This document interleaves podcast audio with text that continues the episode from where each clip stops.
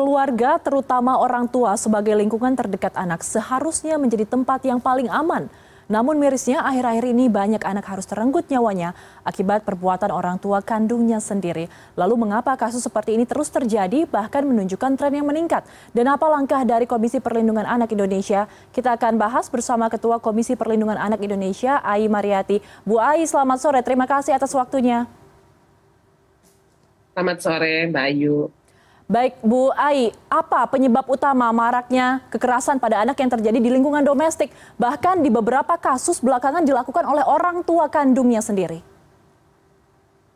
Ya, uh, saya ingin menyampaikan ya bahwa dalam dua tahun terakhir anak korban kekerasan, terutama kekerasan fisik dan psikis ya, termasuk di dalam keluarga itu dilakukan oleh uh, orang terdekat dan salah satunya adalah ayah kandung hari ini kita terkonfirmasi ya dengan peristiwa itu.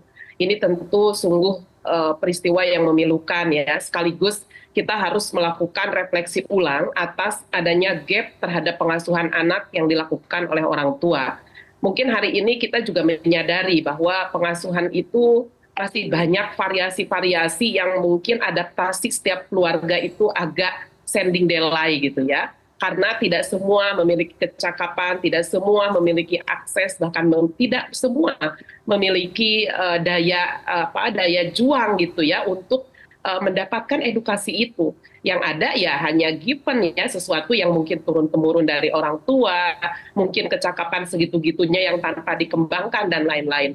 KPI menaruh dua perhatian besar terhadap kasus yang tadi diulas oleh uh, CNN TV. Pertama, pengasuhan positif melekat pada kedua orang tua ya. Bukan hanya ibu bukan hanya ayah tetapi keduanya juga keluarga serta lingkungan sekitarnya. Yang harus dilakukan langkah-langkah perbaikan lebih optimal adalah ketika anak berada dalam konflik kedua orang tua. Ini yang sesungguhnya masih belum terjangkau oleh aturan ya. Nanti kita bicara di hilir. Karena apa tiga hal yang menjadi sumber utama peristiwa perceraian misalnya atau gonjang-ganjing orang tua di pengadilan. Yang pertama adalah situasi adanya konflik yang tidak berkesudahan atau kesulitan mencari jalan keluar. Ini tentu berdampak secara sosiologis terhadap anak. Yang kedua, kerap persoalan ekonomi yang menjadi trigger, ya, di mana persoalan ekonomi ini tidak mampu adanya ketahanan mental, ketahanan jiwa dan lain-lain sehingga jalan keluar, pelampiasan, bahkan uh, me, me, apa, melakukan tindakan-tindakan yang uh, itu kemudian terhadap anak gitu ya, jalan keluar instannya. Yang ketiga biasanya terjadi persoalan um, adanya orang ketiga ya, feel atau will yang kerap terjadi dan ini sulit gitu biasanya dihadapi uh, sebelum terjadi apa misalnya mediasi dan lain sebagainya maka itu juga sama terlampiaskannya kepada orang yang uh, ada di dalam keluarga dan yang paling rentan adalah anak.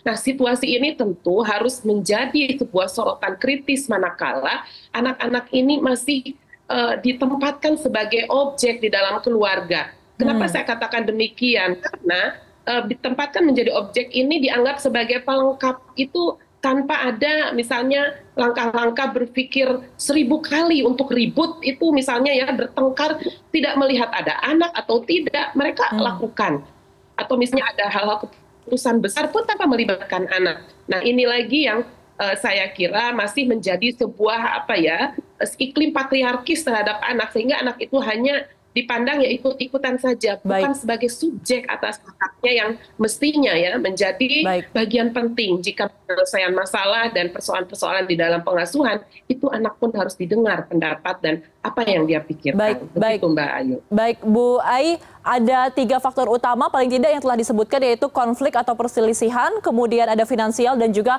orang ketiga. Kemudian dengan faktor-faktor seperti ini KPAI sebagai lembaga resmi untuk bisa melindungi anak-anak di seluruh Indonesia, apa langkah yang bisa dilakukan?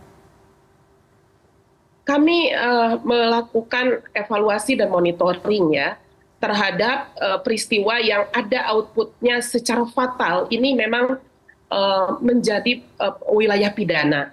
Pertama, misalnya ketika konflik uh, KDRT ya di dalam rumah tangga yang sudah uh, sampai terlihat kasat mata yang sudah dilaporkan, saya kira ini sesungguhnya fenomena gunung es banyak konflik rumah tangga yang tidak terlaporkan banyak juga konflik yang bukan hanya fisik tapi juga psikis misalnya tetapi bagi yang sudah betul-betul bisa ditemukan bahkan terlaporkan maka ada perlindungan bagi anak-anak yang ada di dalam keluarga itu. Ini yang sekali lagi belum terintegrasi secara penuh baik di wilayah kepolisian maupun di wilayah pendampingan.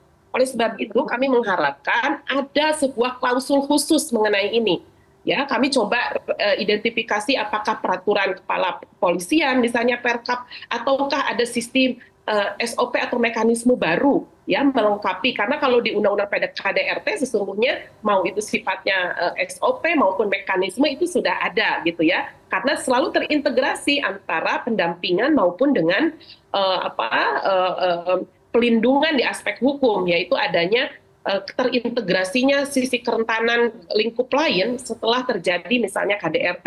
Nah ini saya yang kedua tentu KPAI terus melakukan langkah-langkah monitoring dan peningkatan kualitas pengasuhan itu sendiri melibatkan aspek masyarakat, tokoh agama, tokoh masyarakat. Ya, bukan hanya kepentingan dari dua orang atau orang tua yang memiliki skill ya edukasi uh, terkait pengasuhan positif yang pembelajarannya long term itu seumur hidup kita harus belajar hmm. menggali potensi apa tantangan terkini apa yang menjadi persoalan anak-anak kita persoalan di dalam keluarga itu tidak bisa dibatasi hari hmm. ini mungkin hanya soal ekonomi besok lusa ternyata sudah digitalisasi besok lusa lagi ternyata anak-anak sudah misalnya uh, apa memiliki sikap-sikap yang mungkin dianggap uh, kenakalan remaja dan lain sebagainya. Saya bilang ini memang long term.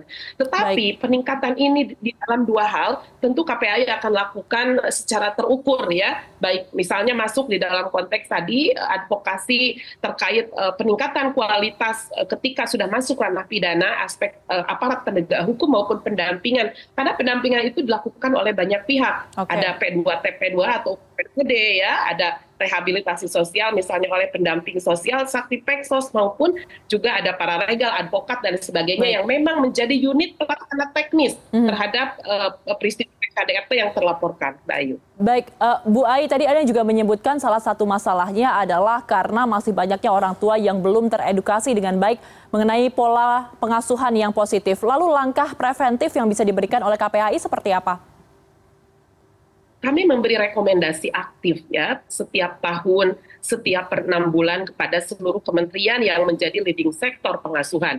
Yang pertama tentu temuan kami di tahun 2020 ada 67 persen keluarga yang belum teredukasi karena pengakuannya. Mengapa belum teredukasi? Karena tidak tahu harus meminta edukasi ke mana dan mereka mengakui sisanya yang 32 persen uh, melakukan edukasi dari uh, media sosial. Nah ini kan sungguh disayangkan. Sementara kita mengetahui sejak 2019 sampai 2024 ya uh, RPJMN sudah menekankan pentingnya pengasuhan positif, mm -hmm. baik itu dititipkan pada lintas kementerian lembaga peningkatan misalnya penyelenggara perkawinan, urgensinya hari ini revitalisasi uh, eh, KUA misalnya itu sudah pada bagaimana peningkatan uh, mereka sebelum menjadi misalnya uh, calon pengantin ya bahkan bimbingan remaja usia uh, bimbingan usia remaja dan bahkan usia perkawinan lima tahun dan setelahnya itu juga terus mendapatkan edukasi bahkan di tingkat kecamatan kalau kita melihat struktur hierarkika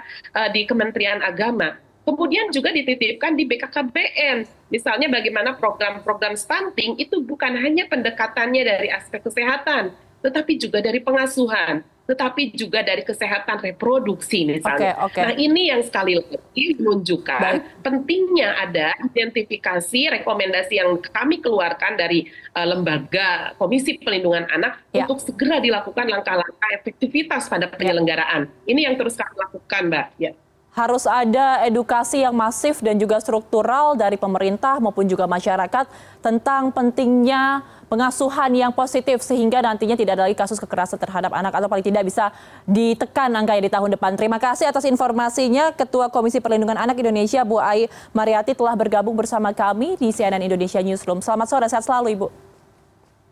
Selamat sore Mbak Ayu, terima kasih.